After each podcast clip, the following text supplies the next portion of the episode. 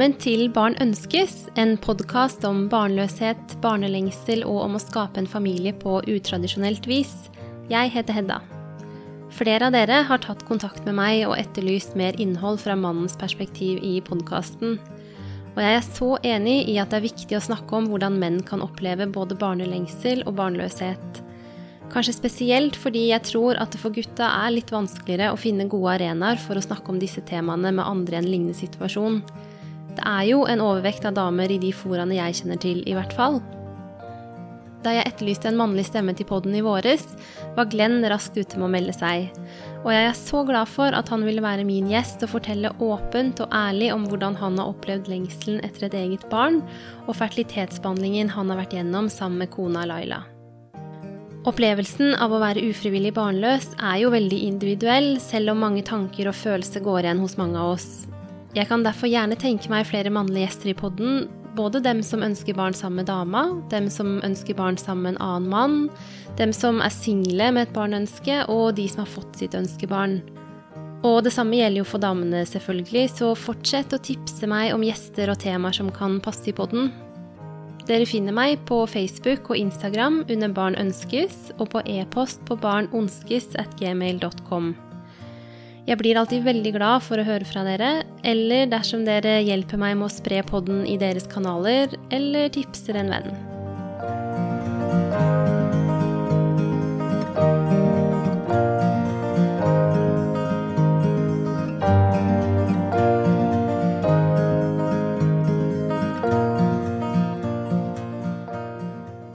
Hei, Glenn. Hei. Velkommen til Barn ønskes. Jo, takk for det. Jeg er jo veldig, veldig glad for å eh, ha fått en, min første mannlige gjest. Ja, det er jo hyggelig å være den første, syns jeg, da. ja, jeg tror eh, det var jo en lytter som eh, sendte meg en melding og lurte på om jeg ikke kunne lage en episode med en mann, og det hadde jeg tenkt på selv også. For jeg tror at det er veldig viktig at vi hører fra dere gutta i dette her også. Ja, altså det kan jo være greit å få ifra begge sider. Mm. Men du, kan ikke du begynne med å fortelle litt om, um, om, hvem du er? Det kan jeg, vet du. Jeg heter Glenn Solberg Bukkvold, og jeg er da 37 år gammel. Og har gått gjennom IVF for første gang. Uh, og vi har jo da lykkes. Mm -hmm. Gratulerer. Jo, takk for det. Og vi kommer jo litt eh, inn på reisen deres uh, senere, men det, det hørtes ikke ut som det var Selv om dere var heldige og lykkes raskt, så har det jo vært uh, en lang periode for dere. Det har vært en veldig lang reise. Ja. Og så er du sammen med Laila? Ja. Vi er da lykkelig gift og har ønska dette her ganske lenge. Ja. Har du alltid visst at, at, du ville ha barn en eller annen gang? Ja, det har vært en av, en av mine øns høyeste ønsker. Ja. Å liksom få en arving, da. Jeg jo, har jo alltid ønska meg, eller alltid sett for meg at jeg skulle få to. Oh, ja. Men uh, vi får vel ta det som det kommer. ja, fordi det her var jeg litt nysgjerrig på om Og nå vet jeg, nå kan ikke du snakke for alle menn, da, men jeg vet jo at jeg har jo liksom på en måte jeg tror jeg alltid egentlig hatt liksom et eller annet sånn bilde av hvordan kanskje familien og sånn skal se ut. Er, har det vært sånn for deg òg? Det høres jo sånn ut. Ja, altså jeg har vel egentlig alltid vært uh, Altså jeg har alltid sett for meg sjøl som en lykkelig gift mann med da som sagt to barn uh, stasjonsvogn, hus, kanskje et lite småbruk. Mm. Så det er jo klart, nå er det jo ja, nå er du hjemme på vei, og stasjonsvogna står på gårdsplassen, så Da er du godt på vei, da? Ja da, det begynner å ligne noe. Ja. Men eh, når var det dere Eller hvordan og når var dere kom til den beslutningen om at nå var det liksom eh, tid for å For å begynne å prøve? Nei, altså nå har vi jo Nå skal det jo være sagt da at vi har jo hatt et godt øye til hverandre i 16 år. Oi. Eh, og det tok jo da tolv år før vi faktisk kom sammen. Eh, hvis ikke jeg husker helt feil, så ta meg litt med en klype salt. Eh, vi var jo da ja, ca. ett år inn i forholdet omtrent. når vi fant ut at uh, vi skulle begynne å prøve. Mm. Eh, fordi altså, når du har hatt godt øye til hverandre og vært forelska i hverandre i såpass mange år uten at noen av partene har sagt noe, da, så Du veit på en måte at det er den du skal dele livet med. Mm. Og det var vi ganske klare på begge to, og vi har hatt samme meningen hele veien. Så, så vi fant ut ganske tidlig da at uh, nå har vi endelig funnet hverandre, og da kan vi bare fortsette denne reisen sammen. Mm. Så, så, det fant vi ut ganske tidlig. Hvilket årstall, eh, når cirka er det vi snakker om her da? Mm. Du trenger ikke å ha nøyaktig dato, altså, men sånn Det blir vel omtrent 2016. Ja. Så det er noen år siden dere begynte på deres prøvereise, på en ja. måte? Mm. Og da regner jeg med at dere begynte på, begynte på gamlemåten en stund? Ja, altså det var jo Det er jo det alle, alle gjør, går jeg ut ifra. Ja. Fordi hun har jo da en datter ifra før. Og vi så jo i utgangspunktet ikke noe problemer i dette her, da. Selv om det skulle jo vise seg at det var jo ganske mye store problemer og frustrasjon utover i prøvetida. Mm. Men det er vel litt sånn, tror jeg, for mange at man, man tenker jo liksom at dette skal gå ganske greit. Og jeg kan tenke meg særlig siden hun hadde barn fra før, så ja, man ser ikke for seg at uh, det skal bli så knotete. Nei, altså det var, det var det vi tenkte også. Og det er jo klart, uh, som vi sikkert kommer inn på litt lenger ut i reisa her, at uh, vi har jo fått klarhet i en del ting underveis da, som for, har gitt oss en forklaring på hvor trøbbelsituasjonen oppsto. Mm. Hvor det stoppa seg hen. Uh, det er klart, altså vi hadde jo Vi prøvde jo da Ja, hvor lang tid prøvde vi? da? Ett og et halvt år, tenker jeg. Mm. Uh, før vi begynte å se andre retninger. For da begynte vi egentlig å bli Da begynte det å tære litt på begge to, fordi Laila har jo ønska dette her ganske høyt, både for sin egen del Eh, for vår del, og da ikke minst for min del, da, for at det har vært noe hun har hatt lyst til å oppfylle mitt høyeste ønske om å få, uh, få et barn. Mm. Og det er jo klart, altså når du da får uh, Sånn som sikkert mange andre har opplevd før oss, og det er sikkert mange andre som kommer til å oppleve etter oss også, at uh, menstruasjonen uteblir over lengre tid. Uh, og man, man, begynner faktisk å øyne et håp om at uh, Vet du hva, vi har faktisk klart det. Uh, og tar noen tester og Det er litt misvisende på en måte når det sies at Eller vises at ok, greit, nå, nå er det i orden. Mm. og så kommer jo da Dukker jo plutselig menstruasjonen opp, og så tar man en ny test, og så nei, dette her blei faktisk feil allikevel. Og ja, så dere opplevde å få noen positive tester som, som ikke ble til noe? Altså, jeg Igjen en liten klype salt her, men jeg mener at vi hadde i hvert fall én eller to som indikerte svakt eh, positivt resultat. Mm, at, for det hender seg jo det at eh, noe har streifa borti, men ikke festa seg, på en måte, da. Ja, det er jo det vi har, har, begynt å lure på. Men det er klart at når du da finner ut gang på gang på gang på gang at uh, Nei, det har ikke funka. Da begynner det å gå litt på ja, humør, syke mm. og i det hele tatt. Og kan fort skape litt uh, uromoment, kanskje, i forholdet også. Mm. Men hvordan var det for deg? Var det sånn at du ble like lei deg og skuffa som Laila da, eller var det mer at hun syntes det var innmari leit, og så ble det din rolle å støtte og Ja. Altså, det blei vel Litt vanskelig å si, men uh, altså et, Når det blir sånn gang på gang på gang, så er det jo klart at jeg blei jo ja, frustrert, skuffa, uh, utafor, lei meg, problemer med å konsentrere meg på enkelte områder. Mm. Uh, samtidig som at jeg så hvor lei seg utafor Laila også blei uh, oppi alt dette her. Så det blei en sånn Det blei en todelt rolle for min egen del. At jeg var, måtte prøve å Eller jeg valgte å holde meg sterk uh, for hennes del. Uh, og til enhver tid prøve å være positiv uh, oss imellom at Ok, greit, det funka ikke denne gangen, men vi bare fortsetter å prøve, for at før eller siden så må vi jo klare det. Mm. og det er jo Jeg har jo lært meg en ting opp gjennom livet, at man skal jo ikke gi opp eh, på noen som helst måte, fordi før eller siden så klarer man alt det man prøver på. Eh, og det er klart, når du da på en måte er utafor og oppgitt og knust innvendig sjøl, og da skal prøve å være tøff, sterk, klippe og positiv gang på gang på gang på gang. Mm. Så jeg veit jo ikke helt om det var like troverdig hver gang for Laila til slutt her, for å være helt ærlig. Nei.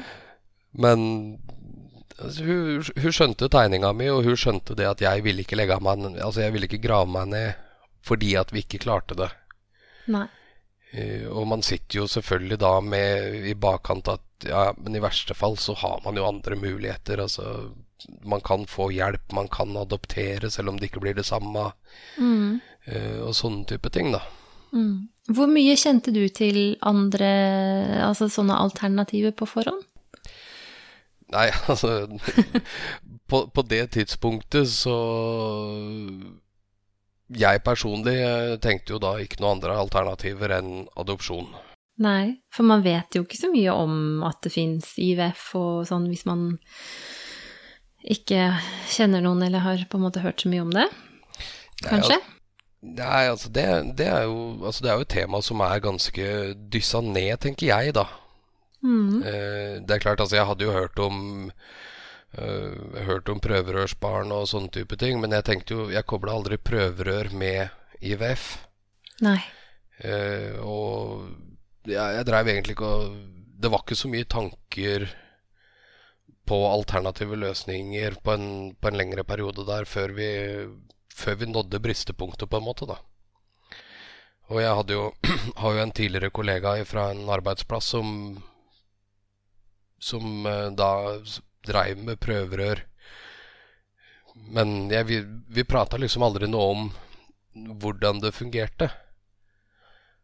Annet enn at han og, han og dama hans dem skulle av gårde og prøve, drive med noe prøverør. Så, så jeg hadde jo litt, litt, litt, kjennskap til altså prøverør, selv om det da ikke var kobla huet mitt, da. Mm. Så Og da, heldigvis for han så lykkes det jo for dem også. Så fint. Så, ja, jeg er veldig glad for det. Og bare se den reaksjonen hans øh, På hvordan han reagerte, da. Mm.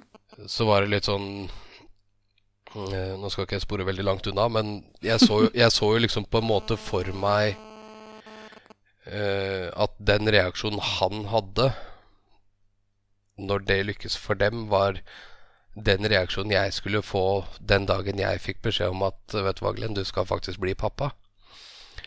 Å, så fint. Så da gleda du, eller da tenkte du at liksom dit kan jeg komme òg?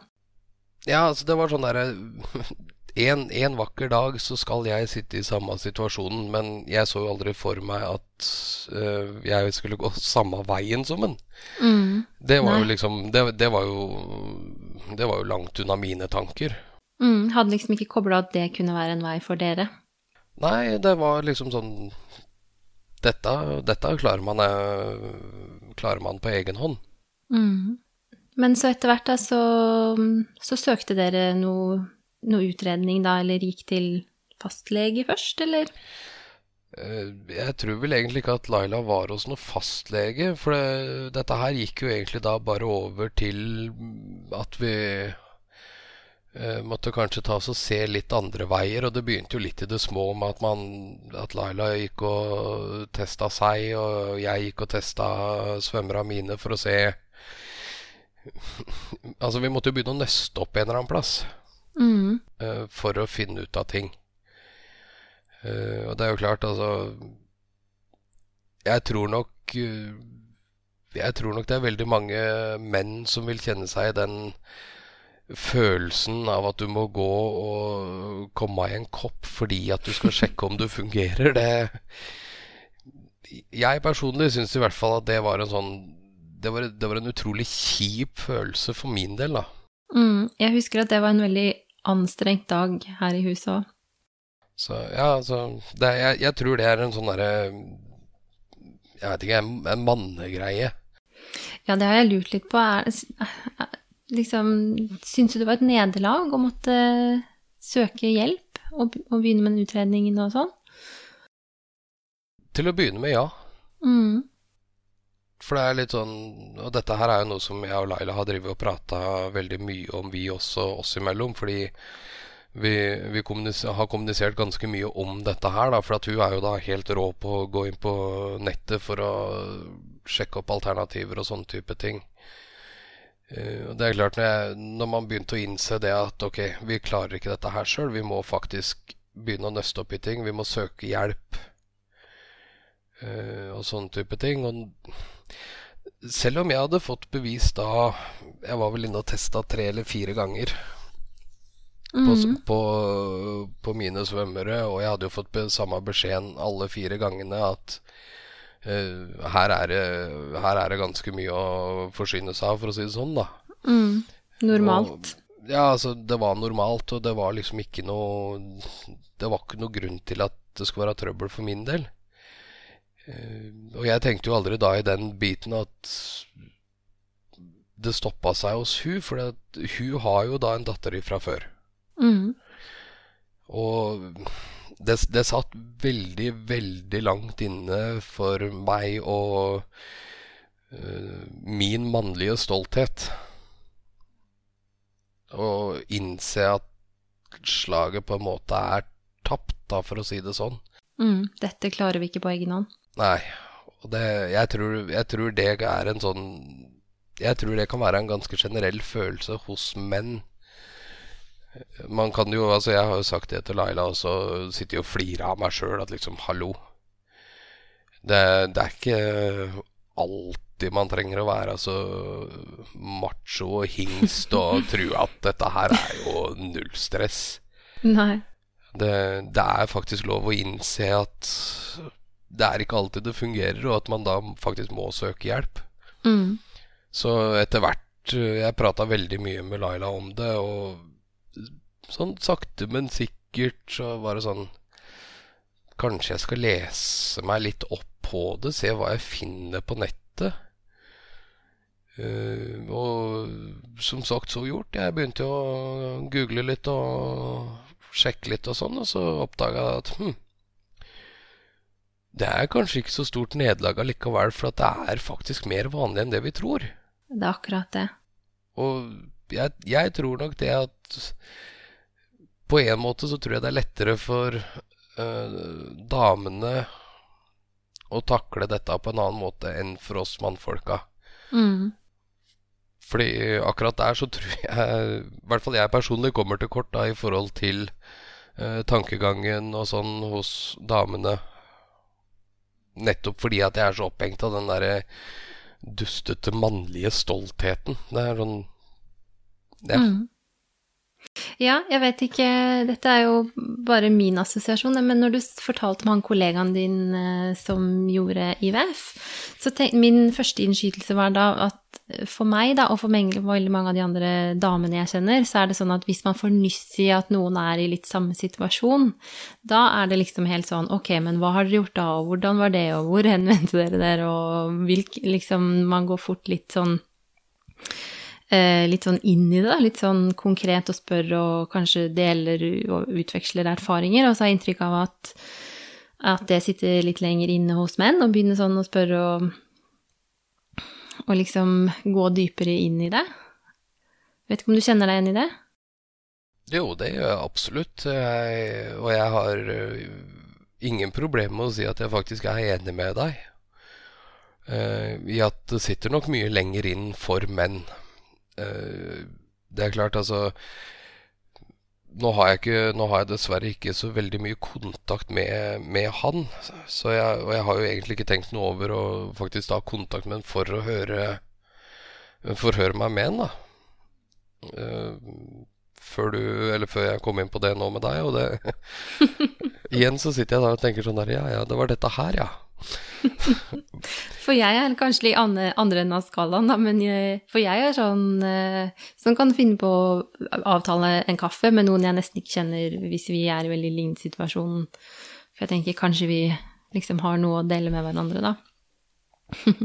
ja, altså, og igjen, altså, der kommer du litt tilbake til akkurat det jeg sa i stad, med at jeg tror dere damene har litt lettere for å håndtere en sånn type situasjon.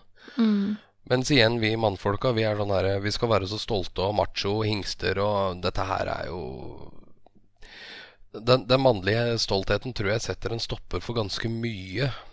Mm. Eh, for jeg har jo Jeg hører jo det når disse Når Laila driver og prater med disse her venninnene sine og sånn, og det er sånn derre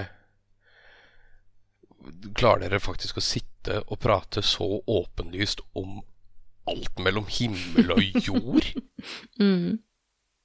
Men uh, jeg, jeg, tenker jo litt at for en del menn så kan det kanskje Det er jo litt sånn at hvis man sitter alene med ting, så kan det vokse seg enda større eller sånn enn det det er, da. Og det er litt sånn det du sier, at man ikke vet Man vet ikke kanskje hvor vanlig det er, eller Altså, man skal ikke google så veldig mye før man kommer inn på masse forum for eksempel, og skjønner at oi, det er jo mange som opplever dette her. Men det er jo veldig mye damer, da, som, som er der ofte. Ja, altså, det er jo, det er jo akkurat det. Og det er sånn Ja, altså, jeg, jeg veit ikke helt. Altså, jeg har jo Jeg er ganske privilegert fordi at øh, Føler jeg sjøl, da. Fordi jeg har øh, Altså, jeg er jo ikke redd for å prate om ting. Nei. Uh, og det er jo liksom Uh, akkurat sånn som nå, da Laila som kommer til meg og så sier at du, jeg følger med på en podkast her, og der uh, blir etterlyst uh, menn. Mm -hmm. Og lenger kommer jeg ikke, så sier jeg men ta noe, send en, for, eller send en henvendelse da, og si at jeg kan stille. Mm -hmm. Fordi altså Kanskje det er noen som hører på, som da spiller av dette her for uh, mannfolka sine, og så kanskje jeg bidrar til at ok, det er kanskje ikke så flaut allikevel. Jeg, har jo, jeg er såpass privilegert at jeg har, en, eh, jeg har en god kompis som jeg har prata ganske mye og åpent med om hele veien. Mm. Uh, han har vært uh, ekstremt støttende hele veien, og han har jo kryssa alt som krysses kan han for at vi skulle lykkes med dette her. Uh, det er klart, altså han har jo vært mer, eh, mer engasjert på en måte da, etter at vi lykkes, enn det jeg har. For han det er liksom, Vi kommer ikke unna at han Ja, åssen går det? Har dere vært på noen nye prøver? Har dere ja, Han har jo så mye spørsmål rundt dette her, og det har vært veldig behjelpelig for min del, da. Ja. Men har... fantastisk å ha en kompis som, som engasjerer seg sånn i noe som er så nært, tenker ja. jeg da.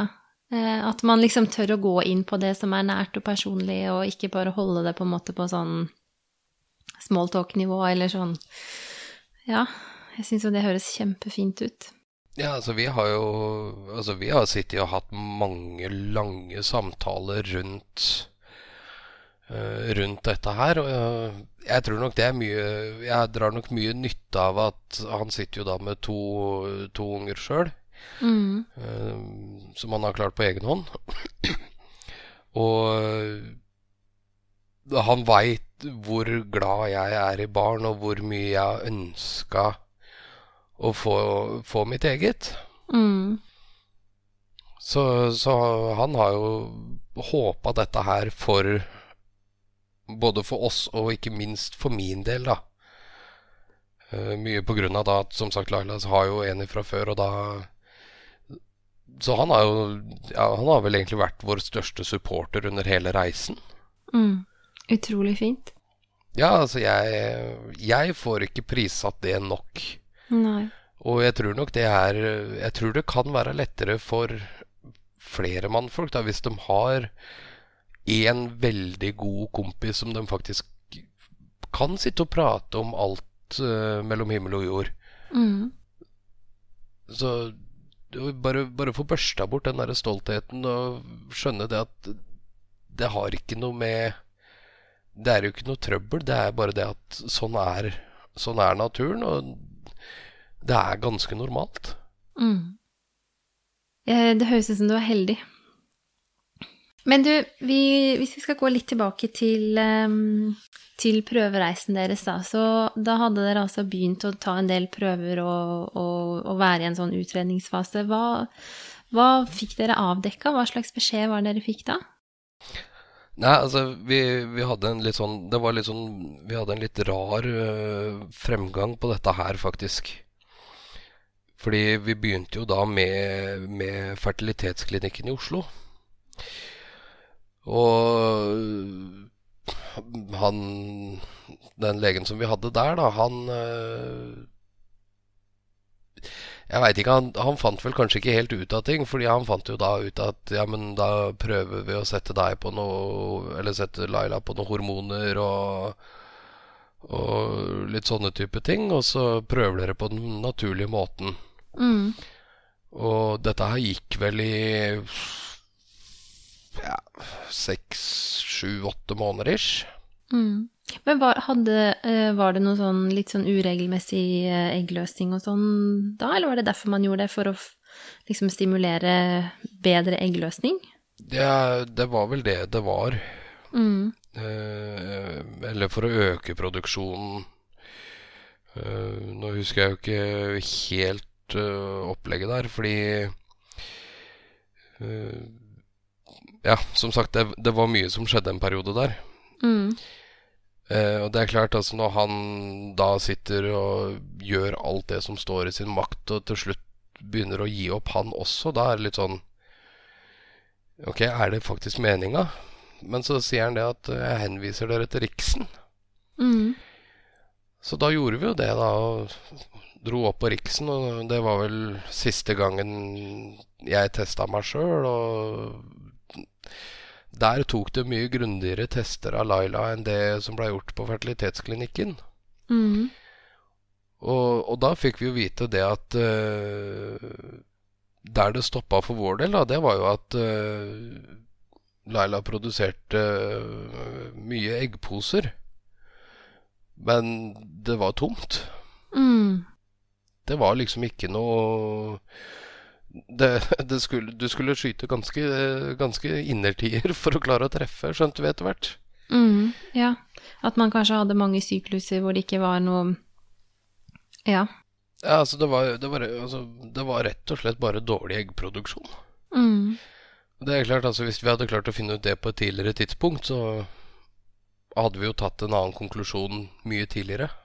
Ja, for det kunne jo ha spart dere for eh, både frustrasjonen ved å prøve på egen hånd og teste negativt igjen og igjen, og kanskje også noen av de hormonrundene som dere gjorde på fertilitetsklinikken, som kanskje var man kunne ha sluppet, da. Ja, altså, gått mer rett på IVF, for eksempel.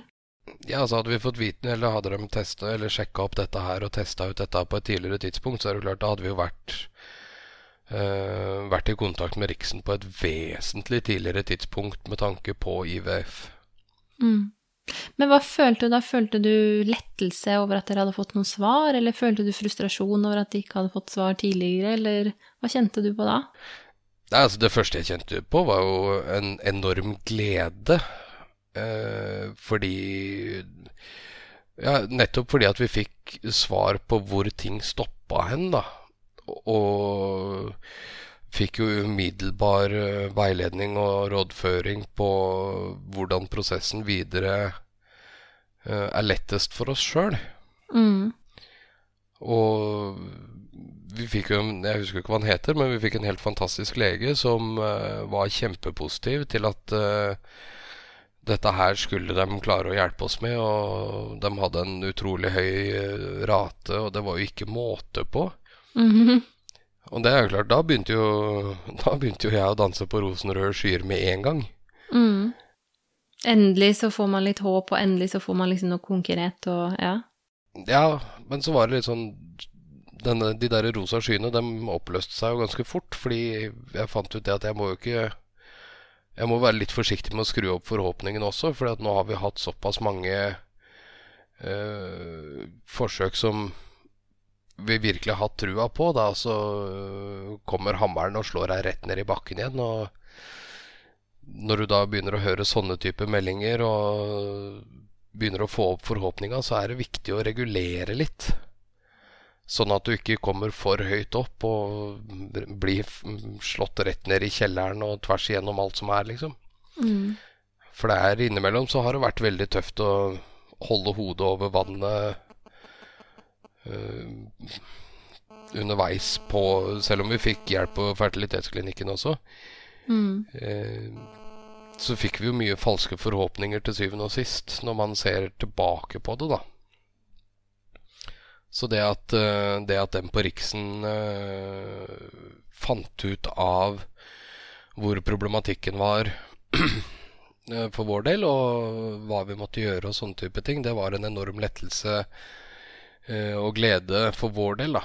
Mm. Uh, begge to, egentlig. Og da fant jo Laila ut også at uh, hun har jo hatt guddommelig flaks med den første. Ja.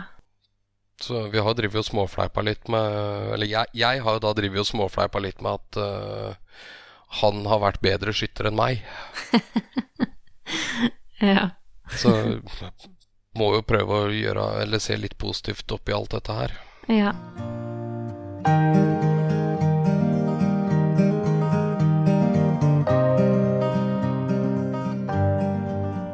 Men da var det altså prøverør da, som dere skulle starte med da?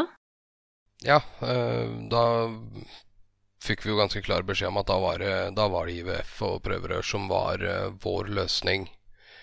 Uh, Fikk dere komme ganske raskt i gang da, eller? Det tok vel par par-tre måneder, hvis ikke jeg skulle helt feil, fra vi, fra vi, skulle, fra vi var der og hadde fått finne ut av ting, eh, til vi måtte, skulle inn, da, og så skulle de sette i gang noe hormonbehandling på Laila.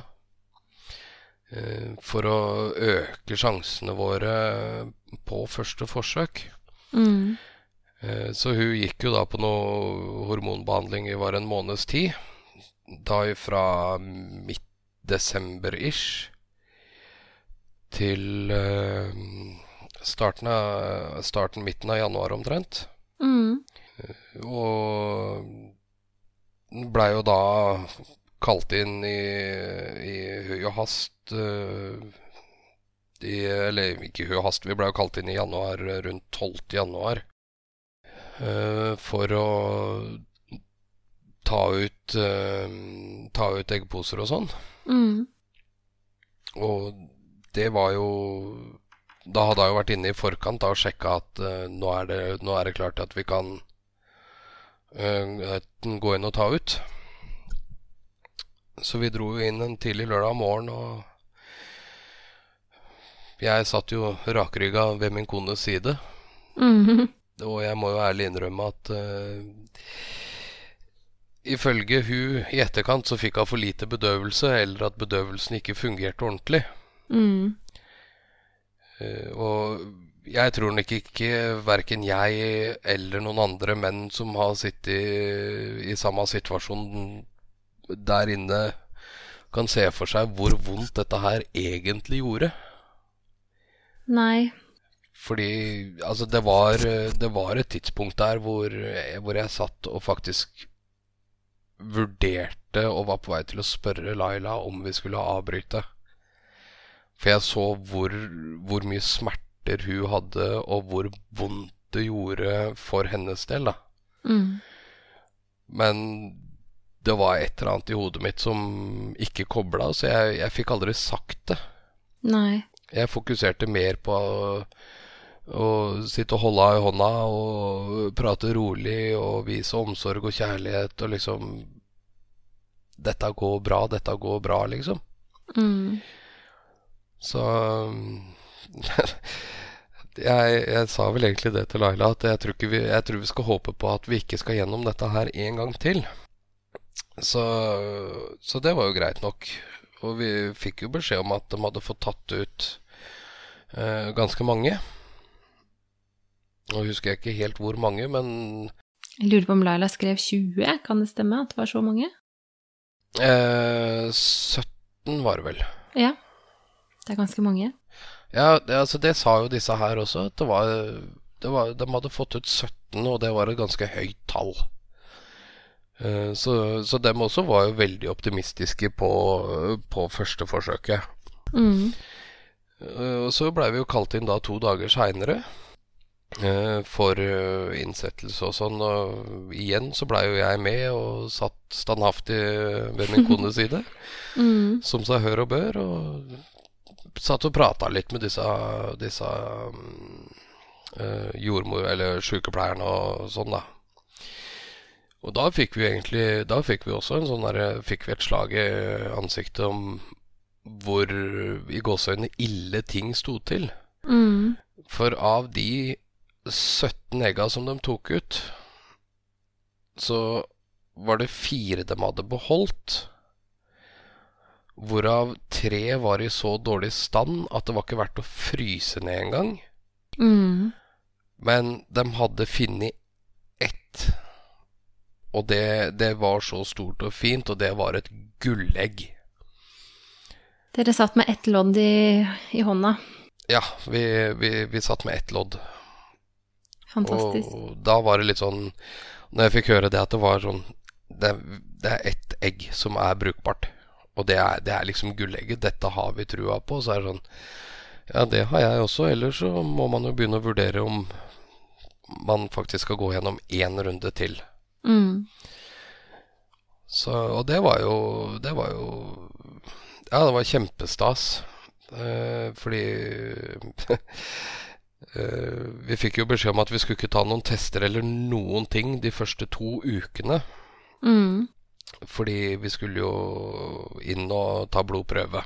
Mm, og så har man jo tatt en sånn eggløsningssprøyte som kan gi utslag en stund på graviditetstestene, så da er det jo litt Da kan man få et sånn falskt positivt svar, da, hvis man tar test for tidlig hjemme. Ja, det fikk jeg aldri noen forklaring på, så det, det, det, det skal ikke jeg uttale meg om. Men det stemmer nok helt sikkert. Ja. Men så er det jo klart at uh, jeg er jo da gift med en som var litt over middels gira og utålmodig. ja. uh, jeg, skal, jeg skal, ærlig innrømme at jeg var, jeg var ikke noe mindre utålmodig selv. Men uh, etter en ukes tid så var jeg da ferdig såpass tidlig på jobb og skulle dra av gårde og hente to kamerater, for vi skulle dra av gårde på en hockeykamp. Og da på vei til disse to, da, så sitter jeg og prater med Laila, og så sier jeg at nå kommer dem, så Så, så nå må jeg legge på. Ja, men det er greit, sier Laila, og så sier jeg det at uh, du får ha god tur uh, til Sarpsborg og kose deg, da kommende pappa. Nei. Åh. og så Så sier jo det Sier jo jeg bare ja, tusen takk for det, og jeg regner med at jeg skal kose meg, og du får kose deg hjemme, så ses vi når jeg kommer hjem. Ja. Og så blei det sånn Unnskyld meg, hva var det du sa for noe nå? og hun, hun satt jo og lo så tårene trilla. Og jeg, satt, jeg, jeg, skjønte jo Altså, jeg, jeg, skjønte egentlig ikke helt hva hun hadde sagt for noe, men så gjentok jeg det, og så var det bare sånn Første reaksjonen min var bare sånn herre Har du tatt en test nå, da? Ja. Ja, jeg klarte ikke å vente. Og det er klart, liksom bare det å Bare å få, få de Eller få den setningen i øret Jeg satt vel sånn ca. kvarter, 20 minutter uh, i bilen med disse to folka, og de fikk ikke kontakt med meg fordi jeg var helt borte vekk. Mm -hmm. uh, hvor, hvorvidt jeg burde egentlig begynt å kjøre, det er jo en helt annen sak, men uh, det gikk da bra. Å, så fantastisk. Så dere satt med gullbilletten, dere? Ja, altså vi traff på første, og vi føler oss veldig privilegert med det. For det også er jo noe som vi har sett uh, flere ganger, at det er folk som eh, gjerne må gjennom flere forsøk. Og det blei vi også Det var også Riksen ganske klare og tydelige på, at eh, vi har en sånn og sånn prosent, men vi kan jo ikke garantere noen ting. Nei, ikke sant. Og, så det er sånn Det var veldig mye sånn Har det funka, har det ikke funka? Og du veit at du har, du har ett skudd som du skal tre treffe med, liksom. Ja, det er mye som står på spill. Ja, det, det er akkurat det. Men altså, jeg, jeg, var jo på en måte forberedt på at uh, med den informasjonen vi satt med, og prosenten og sånne type ting, så var jeg vel egentlig forberedt på at vi måtte nok gjennom to til tre før, før vi klarte det. Uh, og da selvfølgelig få den beskjeden om at uh, Vet du hva, gutten min, vi, vi, klarte det på første. Det var faktisk et gullegg. Det, det er en dag som ikke kommer til å glemmes. Helt fantastisk. Men du, vi må gå litt tilbake, for jeg er litt nysgjerrig på når Laila da egentlig både når hun gikk på de eh, hormonkurene på fertilitetssenteret Jeg Vet ikke, hadde hun noen bivirkninger, og reagerte hun noe på det? Eller var det helt ikke noe problematisk? Den biten var vel ikke noe problematisk, så vidt jeg klarer å huske. Nei. Hva med hormonbehandlingen i prøverørsforsøket, da? Eh, det er en helt annen historie. ja, for det er jeg litt nysgjerrig på, nemlig. Eh, jeg jeg veit ikke helt hva jeg skal kalle det, men fra mitt mannlige hode så gikk jo den hormonbehandlinga der, den gikk jo over alle landegrenser. Fordi jeg har hun... hørt noen kalle det for dragemedisin. Ja, nei, dragemedisin vil jeg vel ikke akkurat kalle det, men hun blei ble jo overstimulert noe så fryktelig. Å oh, ja. Så Det var jo Disse her eggstokka hennes, de var jo svære som noe drog. Ja. Og det var jo Det var jo noe som Riksen da blei umiddelbart skeptisk på eh, når vi kom inn der. Eh, med så store eggstokker. Så det skapte jo da igjen Den, den hormonbehandlinga skapte jo da igjen et uromoment. Mm. Eh, kanskje ikke fullt så mye for Laila sin del som det gjorde for min del.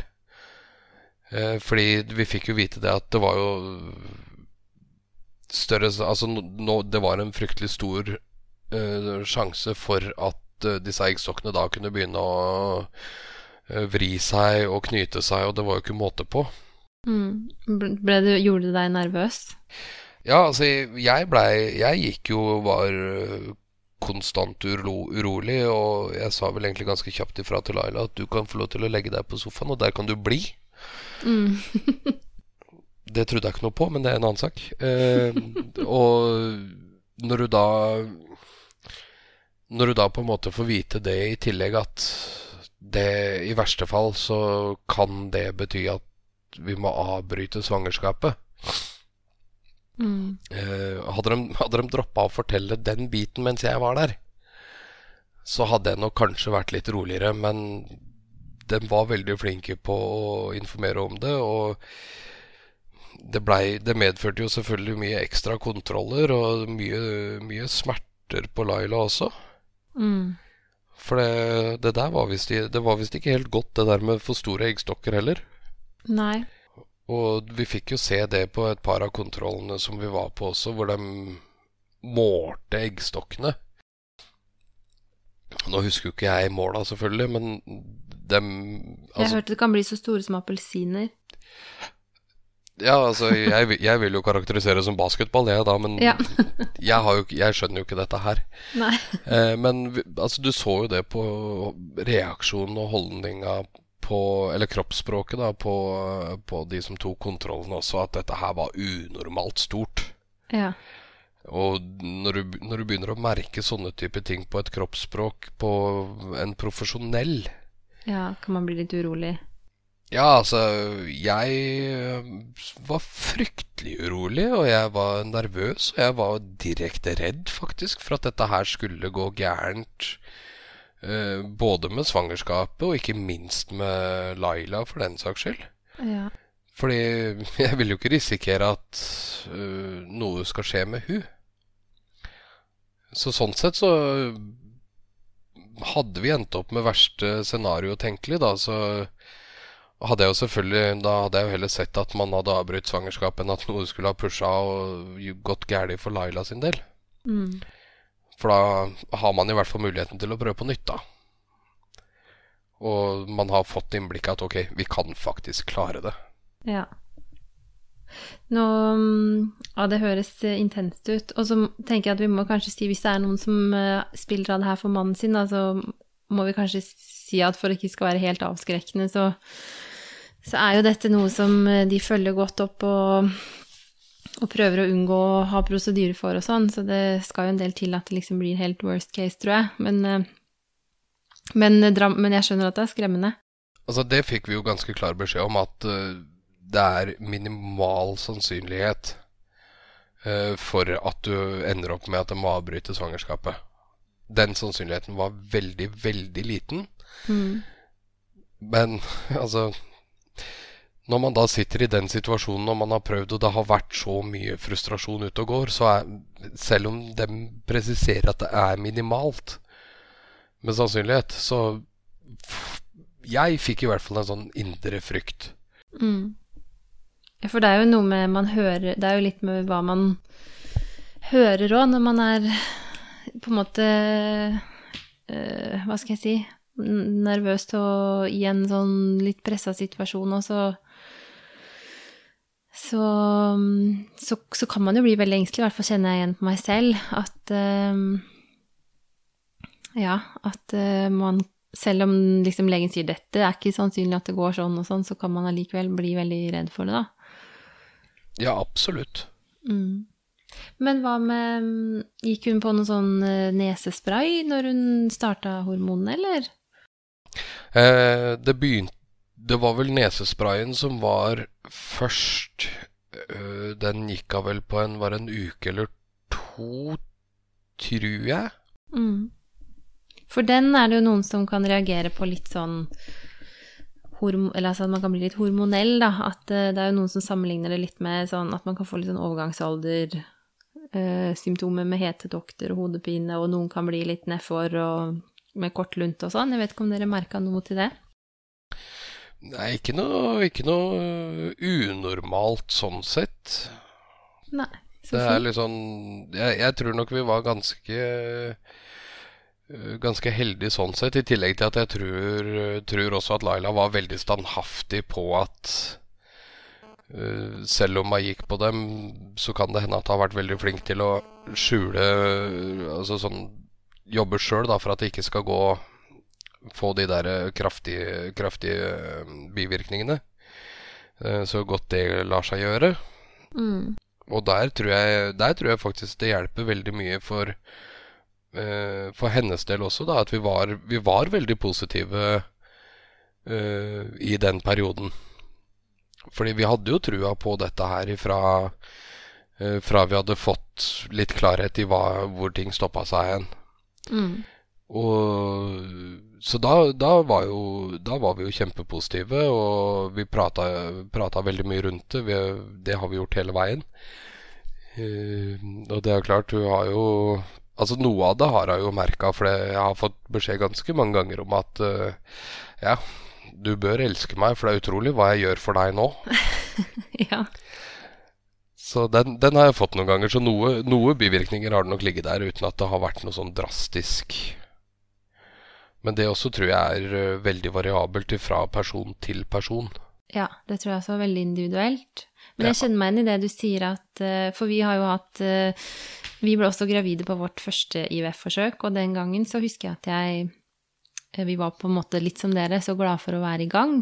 Eh, at jeg tror at den der forhåpningen og litt sånn spenningen overskygga veldig mye. Og så har jo vi holdt på med søskenforsøk i et år nå uten å lykkes, og det, det er litt annerledes å takle bivirkninger når man har hatt en del runder, for da har man liksom ikke den derre helt den samme sånn glede Eller hva skal jeg si, da er man liksom ikke like glad for å være i gang, da, eller hva jeg skal si. Men um, nå ser jeg klokka går fort her, men jeg har lyst til å snakke litt om det der med Um, egentlig gjennom hele prøvereisen deres med etter hvert som det begynte å liksom uh, bli frustrasjon, da. Hvordan har dere vært som par oppi dette her? Har dere liksom vært helt sånn tuna inn på hverandre, eller har dere hatt veldig forskjellige måter å reagere på, eller vil du si litt om det? Altså, vi har jo Vi har jo hatt, eh, som sagt, en veldig god kommunikasjon eh, både før og etter eh, eh, hjelpe, hjelpesituasjonen, holdt jeg på å si. Eh, og det er klart no, Noe har jo på en måte skurra Eh, fra tid til annen. Eh, Hva da, for eksempel? Nei, altså jeg kan jo Altså jeg prøver jo uh, eksempel å være veldig Jeg prøver å være en veldig god ektemann, da. Å være støttende og sånne type ting. Men det er klart, det har vært Det har vært en lang reise, og det har vært en tidvis tøff reise. Det har vært Altså, det, det har vært så fryktelig mye følelser i sving eh, under hele opplegget, da, at eh, jeg kan ha vært totalt fraværende eh, over lengre tid. Jeg har liksom ikke eh, Jeg har ikke lagt merke til enkle ting. Jeg har liksom ikke vært noe interessert i å prate.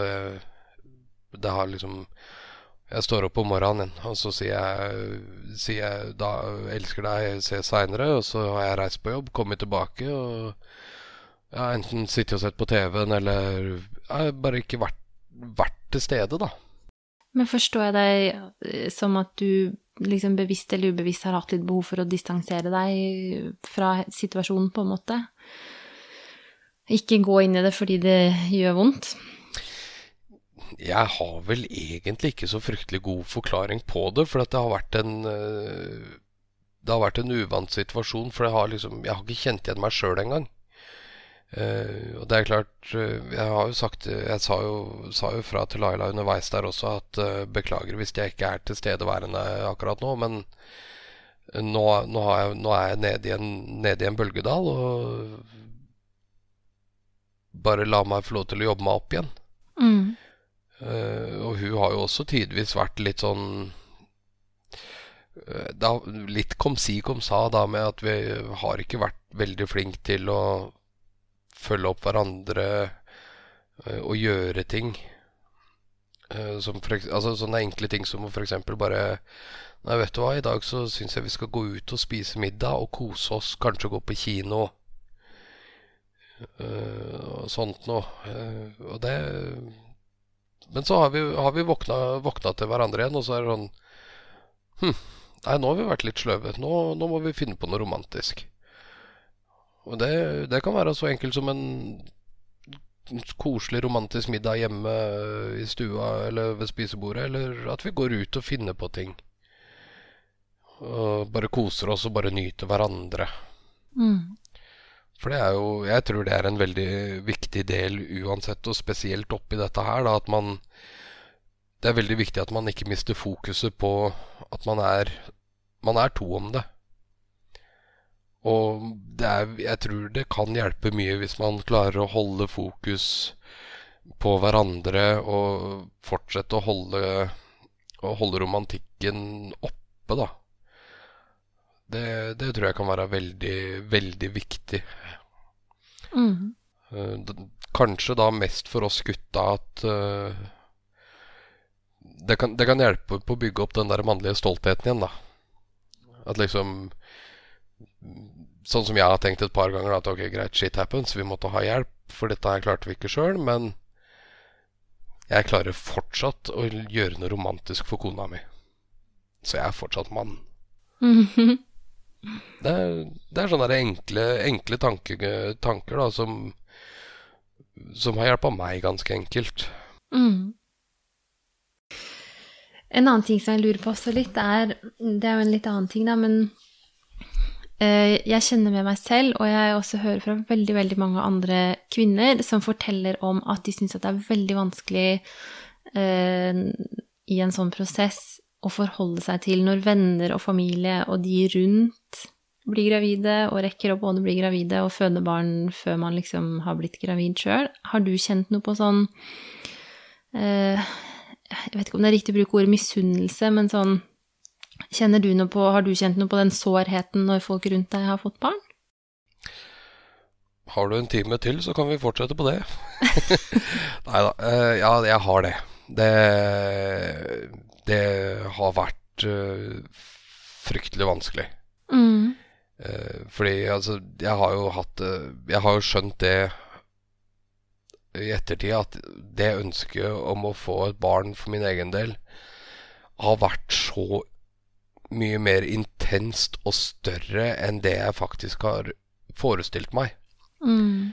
Fordi nå har jeg jo ja, på, den, på den tida som vi har holdt på, da, så har jeg jo Eller har vi tre stykker i nærmeste vennekrets pluss to i nærmeste familie som da har fått barn innunder denne frustrasjonen vår. Eh, og det er noe som har tæra både på meg og, og Laila. At eh, det er Hvorfor skal dem få det til, men ikke vi? Eh, og sånne type ting. Mm. Det er klart, altså Vi, vi har jo vært superglade på dems vegne. Eh, men at misunnelsen og sjalusien og frustrasjonen har blussa opp eh, inni det der, ja, det, det skal det ikke være noen tvil om. Og det er sånn Men det er sånn etterpåklokskap, da, at liksom Det var kanskje ikke nødvendig å fyre seg opp så mye eh, oss imellom. Men heller fokusere på det at ok, greit, vi skal være glad på dems vegne. Mm. Så Men uh, ja, nei, som sagt, det har vært mye, det har mye, vært mye misunnelse og sjalusi, i hvert fall fra min side, da. Uh, på, på den biten der. Jeg syns det er så utrolig fint at du, at du deler det, fordi jeg vet at, uh, at det her er en av de tingene som mange opplever som veldig sånn skamfullt. Hvorfor klarer jeg ikke å glede meg? Hvorfor klarer jeg ikke å være sånn udelt glad på venners vegne, f.eks.? Hvorfor, uh, hvorfor gir det meg liksom en sånn vond følelse? Og så tror jeg det er så vanlig, og at man må bare akseptere at sånn er det. At man, at man faktisk kan være veldig, veldig glad på deres vegne samtidig som man er lei seg på sin egen. Men det er veldig Jeg syns det er kjempeviktig at vi snakker om at det der er helt vanlige følelser å ha i en sånn situasjon. Ja, altså jeg, jeg velger å tro at det der er Altså, det er jo helt normalt.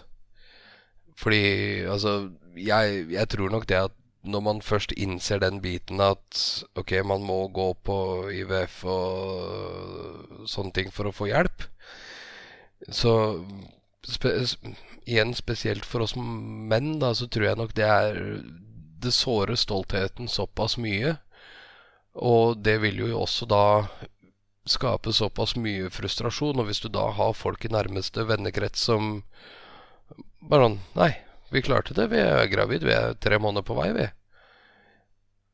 Det er Det er tøft å høre. Mm. Det er fryktelig tøft, og da blir det også veldig tøft uh, der og da å fremvise jeg, jeg, vil jo på en måte si, kalle det for at du fremviser på en måte en litt falsk glede første gangen. Ja, for du holder jo maska. Ja, altså Du holder jo maska, og du, du må jo på en måte Du har ikke noe annet valg enn å være glad på dems vegne, for at som regel så får du jo vite dette her face to face eller via telefon. Mm. Eh, altså De rundt oss har vært veldig flinke med å ta det face to face, og da er det liksom Du må klistre på den maska og å, så kult og koselig, og kjempeglad på deres vegne og sånn, og så sitter du egentlig, sitter du egentlig og kommer med de styggeste gloser innvendig. Mm. Og så, så, det også er jo en bit som er veldig vanlig, vanlig å tenke på. Men det er klart, altså, man må jo Man skal jo på en måte ikke være redd for å vise følelser, men det er klart man må jo bruke hodet bitte lite grann og vise dem på de riktige stedene. Og det er jo liksom Jeg, jeg, jeg syns det Jeg personlig mener at øh, menn som har vært gjennom dette her, bør kanskje prøve å legge den der mannlige stoltheten til sida. Eh, ta den bestekompisen som man stoler 110% på. Gå ut og ta en kaffe eller en øl eller hva man måtte ønske, og prate om det. Mm. Tanken på å prate med andre gutter om dette her er fryktelig flau. Eh, nedverdigende. Og liksom fryktelig slitsom. Men jeg tror det at alle har en sånn kompis som de stoler 110% på, og man vil føle seg så mye bedre etter bare å ha starta å prate om det. Mm. Uh, I hvert fall så var det sånn for meg. Og jeg, altså må slutte å være redd for å prate om det, tenker jeg da. Så det er jo min oppfordring uh, til menn som har vært igjennom det. At finn bestekompisen din, prat om det. Uh, og er, hvis den virkelig er bestekompisen din, jeg kan omtrent garantere at det vil være den største supporteren gjennom hele reisen. Mm. Et kjempegodt råd. Og det jeg, jeg, Som sagt, jeg håper jo at uh, det er damer som hører på dette her, som omtrent tvinger mennene sine til å høre på dette her for å høre at Altså, hør på han her. Dere er ikke aleine om det. Mm. Og i verste fall, altså, tør man ikke å prate om det med en gang, så ok, gjør sånn som jeg gjorde. Gå inn, google, google det, og les litt på det.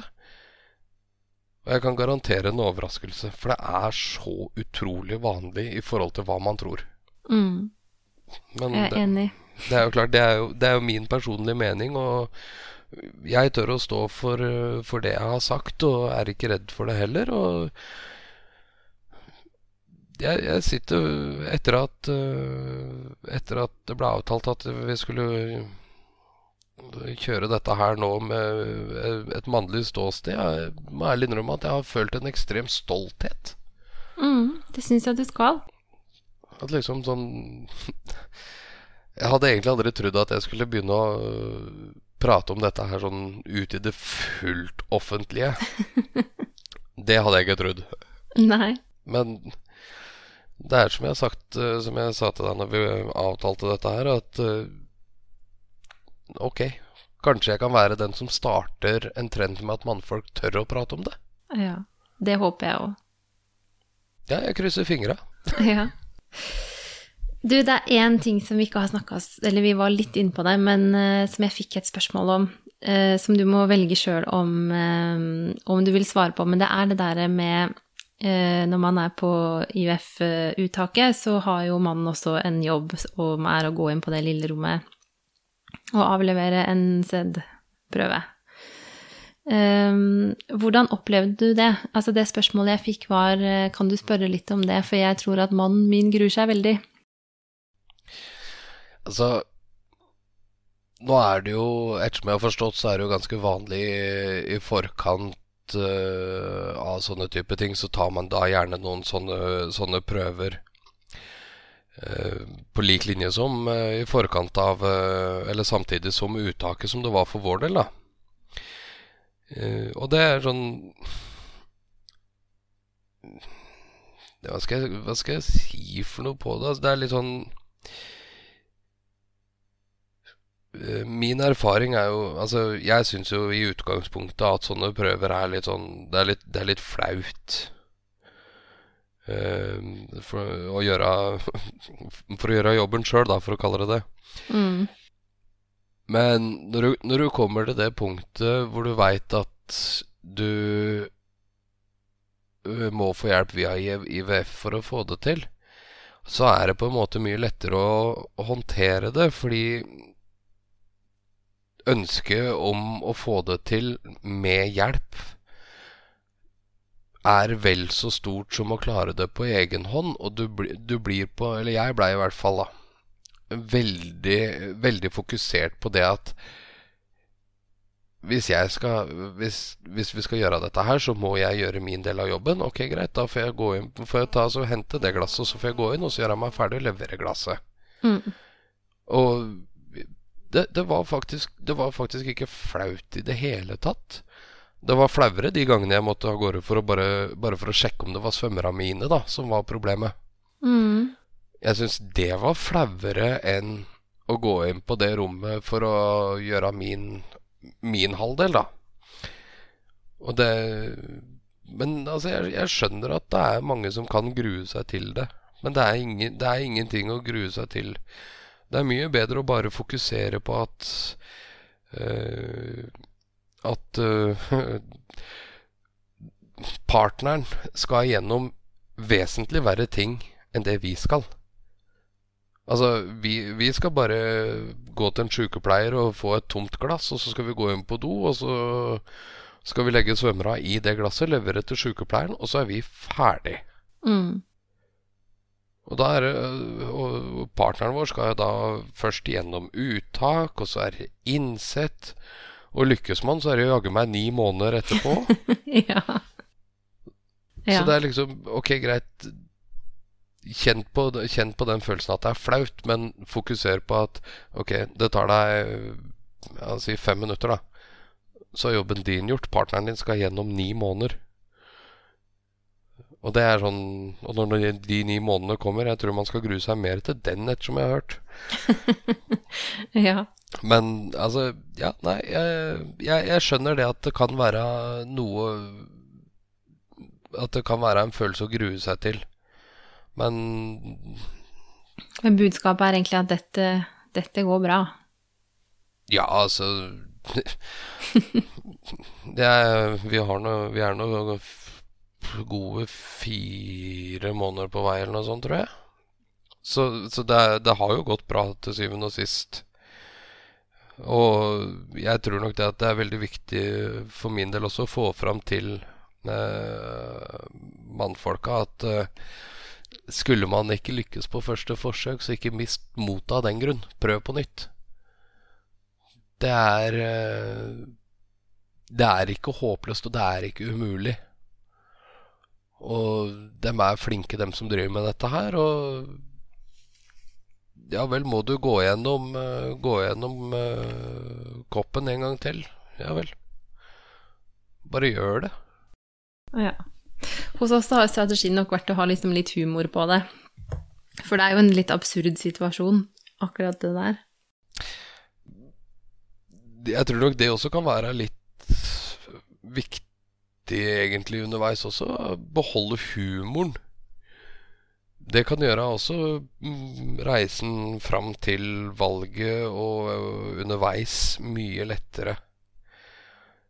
Liksom ha god kommunikasjon imellom eller med partner, og le mye. Fokuser på, fokuser på at det skal være litt litt humor, og selvfølgelig, det må jo være litt seriøsitet oppi dette, men humor kommer du langt med. Ja, det tror jeg òg.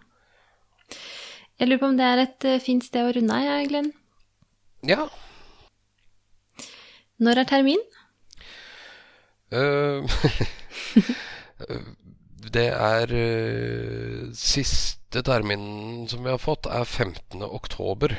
Ja. Spennende. Jeg, jeg, tror at den kommer 16., for at vi har fått både termin 14., 15. og 17. Men oktober er det i hvert fall. Ja. Så spennende. Jeg er veldig glad på deres vegne at dere Er det en gutt eller jente? Det vet dere kanskje ikke ennå? Nei, vi, det veit vi ikke. Vi skulle egentlig få vite det, men da fant han ut at han skulle bli sjenert, så ja. klapp, klappa sammen beina og snudde ryggen til. Ja.